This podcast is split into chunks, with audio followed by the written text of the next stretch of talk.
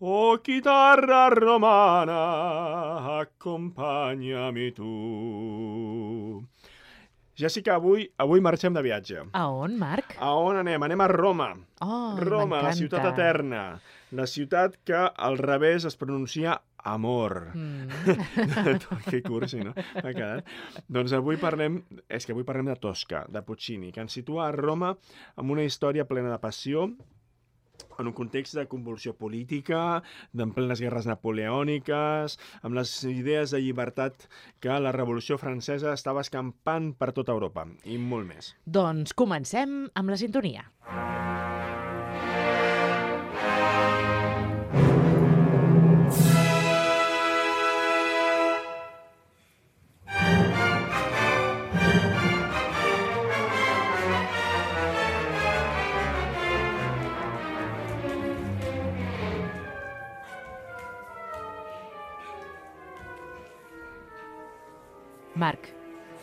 ja m'has tornat a canviar la sintonia. em sap greu. és que no ho he pogut evitar. A veure, és que no podia sonar Rossini, que tan, tan, tan alegre, tan... No, no, no, és que així és com comença l'òpera tosca.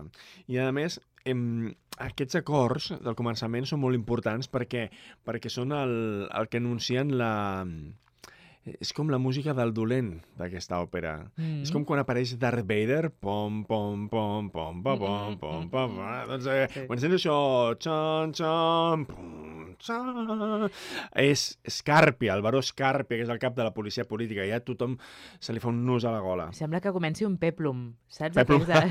un no, penur o algú. Però anem a Roma, no anem a la Roma, a la Roma dels romans, no, eh? No, no, cuidao, cuidao. Anem a la Roma del 1800, plenes guerres napoleòniques. Mm, Eh, ja, ja, ja, ja. eh, cuidao. Escolta, ara després en, ens explicaràs més d'aquesta òpera, però Sí. ara sí que benvinguts i benvingudes de nou al Cantant d'Òpera, un podcast ideat pel tenor Marc Sala, que tinc aquí al Hola, què tal?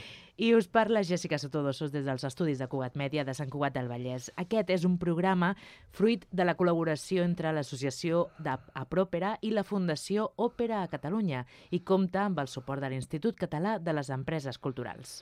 Marc, ara sí, avui parlem de Tosca i què hem de saber? Si no coneixes Tosca, has de saber que és una òpera en tres actes de Giacomo Puccini. Eh, no com un amic meu que deia Fettuccini. No, Fettuccini és, és que em diu...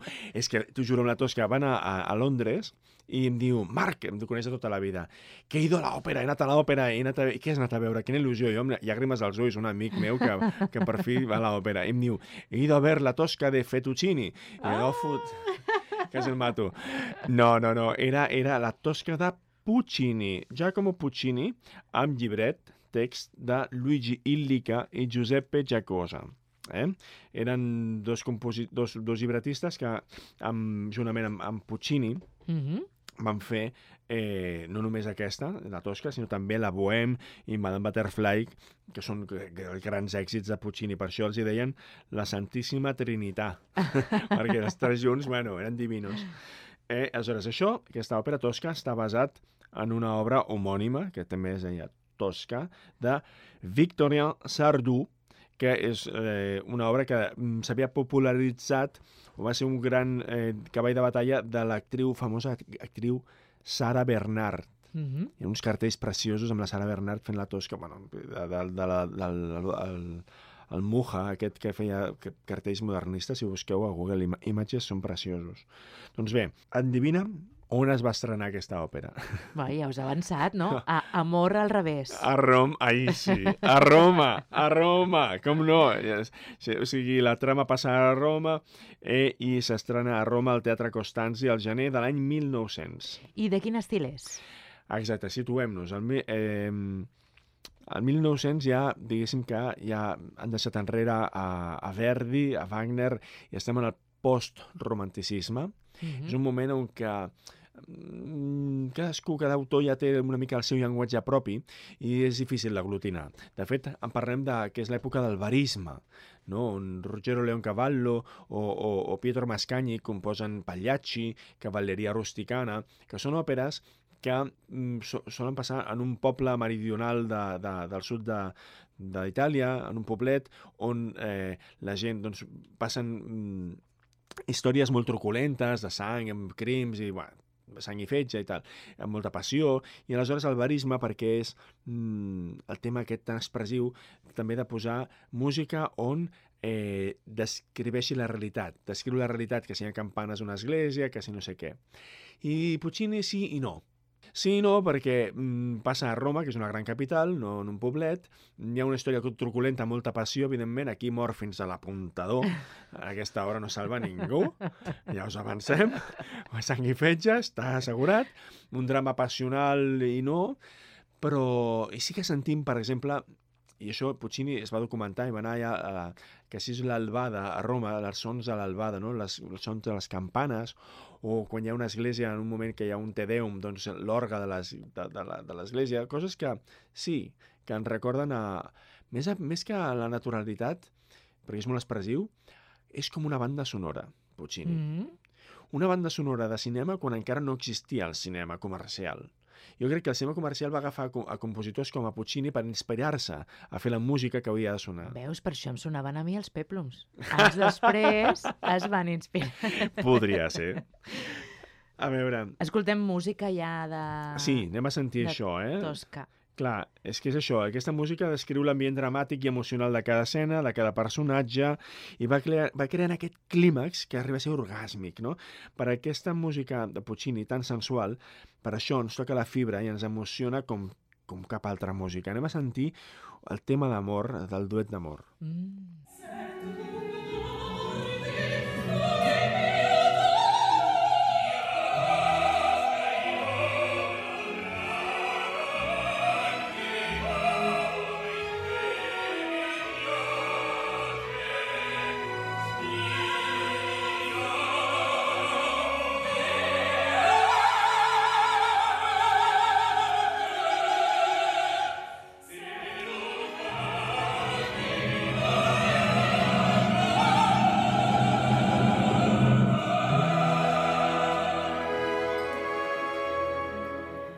Canta el tenor Enrique Ferrer, la soprano Carmen Solís en una funció en viu al Teatre de la Faràndula de Sabadell.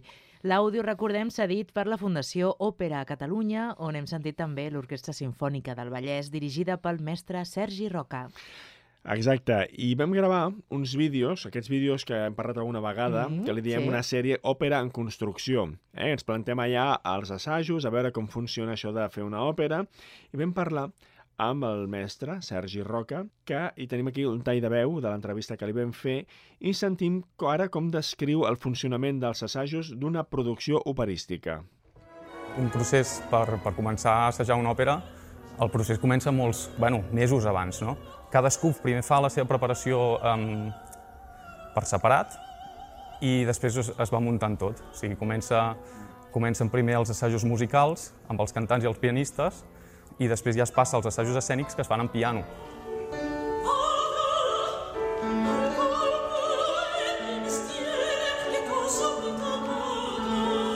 Per separat assagem amb l'orquestra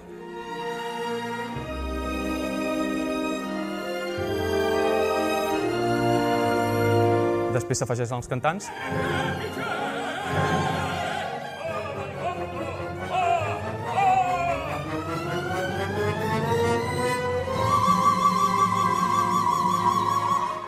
Per separat assaja el cor, que també s'ha preparat des de fa mesos per tenir-ho tot de, de, de memòria, un cor fantàstic aquí, i després ho anem ajuntant tot. Aquesta última setmana és quan tot es tira a la mateixa olla, diguem, i a remenar, remenar, remenar, fins que quedi una sopa al punt.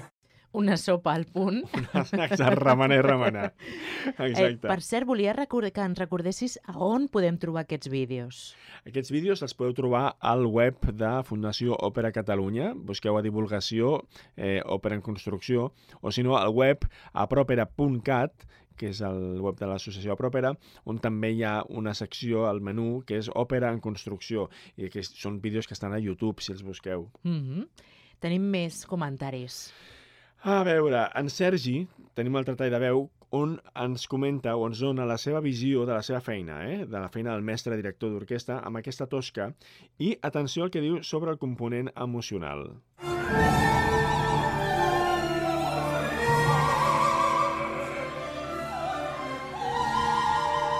La càrrega emocional és d'alta volada, és eh, bastant extrema.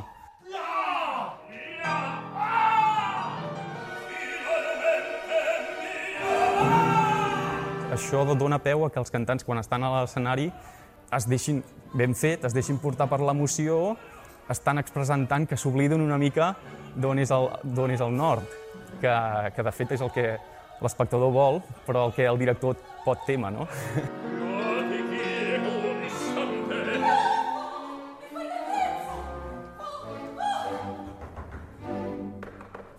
Com a director d'òpera, has d'organitzar tot el gran aparell que hi ha sota l'escenari i posar-lo al servei dels cantants i que s'hi sentin còmodes. Precisament, Marc, m'havies eh, explicat en alguna ocasió aquí al programa que t'havies emocionat escoltant cantar a una companya. Clar, eh, I això és el que no volen clar. els directors, no? Que... Ara tots volem... això és important, Que entris clar. tant a la història, clar. no? És que és... jo ho veig molt complicat. Creeu molt un pers els personatges perquè entreu a dins, però clar, sí. això ho parlàvem en un altre programa amb les Sarabanyeres, que són tantes coses que heu de tenir en compte. Clar, és, és com una cursa de gran velocitat, no? On, on has de controlar tantes coses i intentes automatitzar el màxim possible per, eh, perquè surti sol, no? Però en, perquè en aquell moment hi ha molts inputs i clar, mm, sí que ens hem de... hem d'emocionar el públic, hem d'emocionar, ha d'arribar aquesta emoció, ha d'arribar, però no ens podem emocionar massa, hem de contenir-nos contenir i tenir un control perquè si no, si t'emociones i et poses a plorar és que no pots cantar, se't tanca la gola. Clar.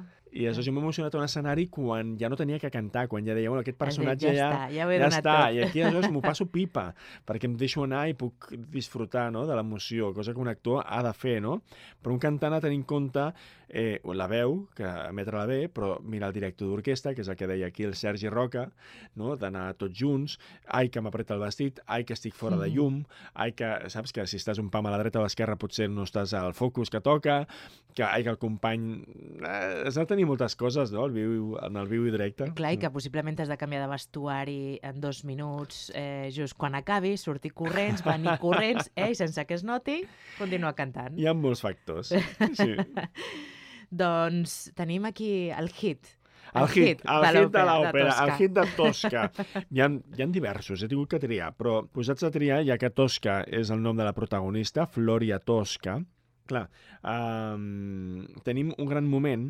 Clar, no m'he explicat la història, jo odio tenir que explicar històries de l'argument, però bàsicament és el triangle aquest de soprano i tenor que s'estimen i baríton que intenta impedir-ho. Però no només ho impedeix, sinó que, a més, eh, com és el cap de la policia política, i Tosca i, i sobretot Cavaradossi són molt liberals i, diguéssim, que estan més a favor de, diguéssim, aquesta idea progressista de les idees revolucionàries, L'objectiu d'Escàrpia és empresonar o inclús executar a Mario Cavaradossi, el tenor, i seduir, però no seduir-la, no, sinó pràcticament violar-la, o sigui... Obligar-la. Obligar-la a tenir sexe amb ell, a Floria Tosca, amb la coacció, l'engany, la mentida, i utilitzant eh, això, que ja que Mario està empresonat i condemnat a mort, doncs, eh, a canvi, el xantatge aquest de si te'n vas a llit amb mi, el perdonaré, li perdono la vida.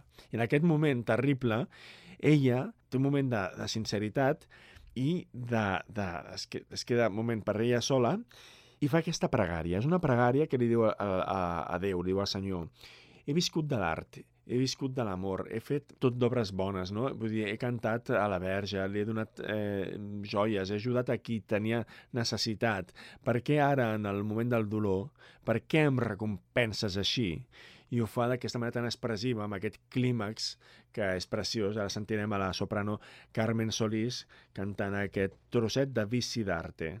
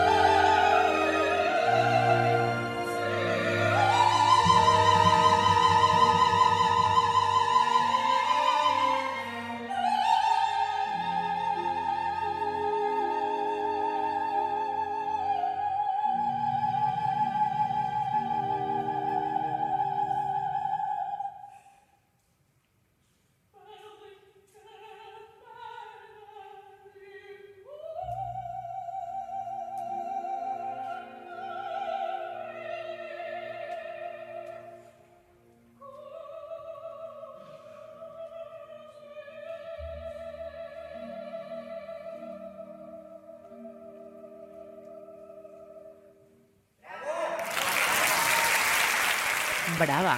Brava. Espectacular. Sí, és aquest clímax, no?, que es treu tota l'explosió emocional i no es queda aquí, sinó que després es recull com una onada. Mm, sí, a més, el, hi ha un ritme que sembla inhumà, fins i tot, eh? Mm, i, I allarga, allarga, allarga, és preciós. Sí. M'ha agradat molt aquest Ai, hit. que bé, que bé que t'agrada, sí que m'encanta.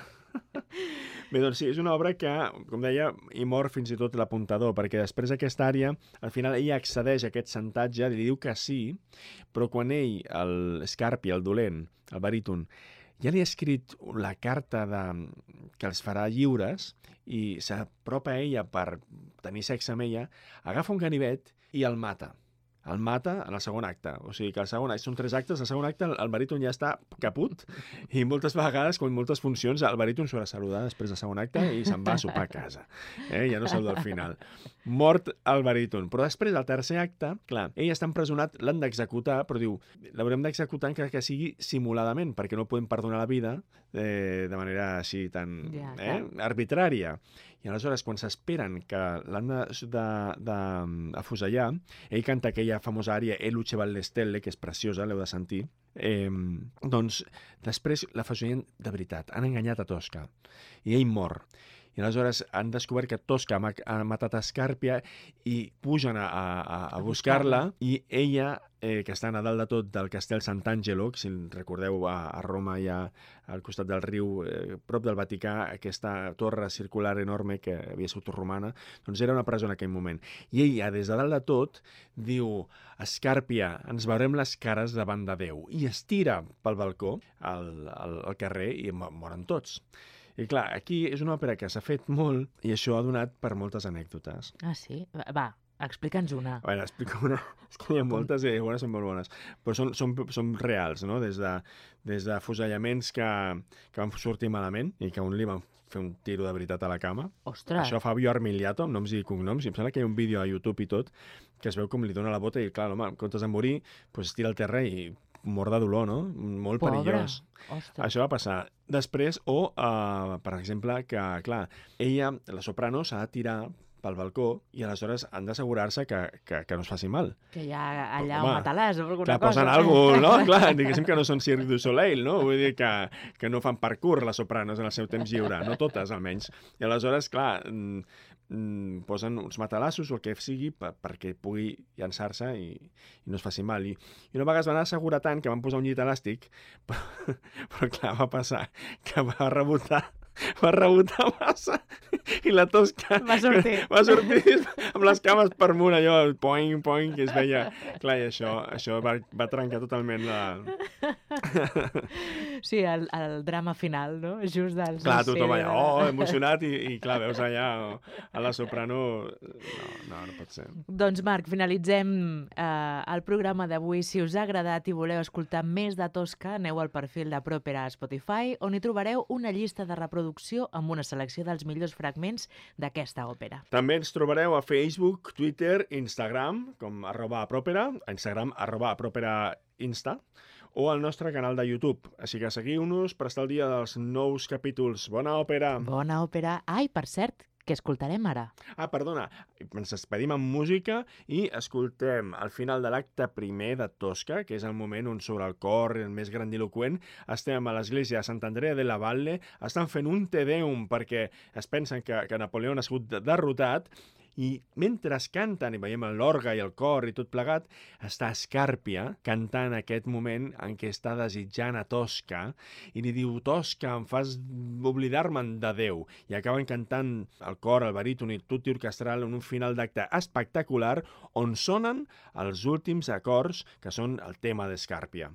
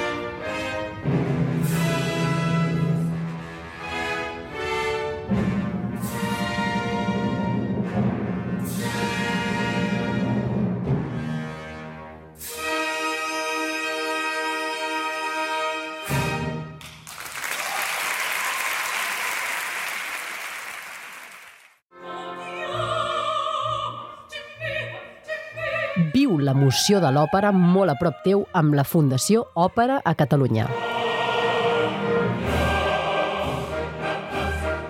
Gaudeix dels grans noms del gènere amb els millors professionals del país. Funcions arreu de Catalunya.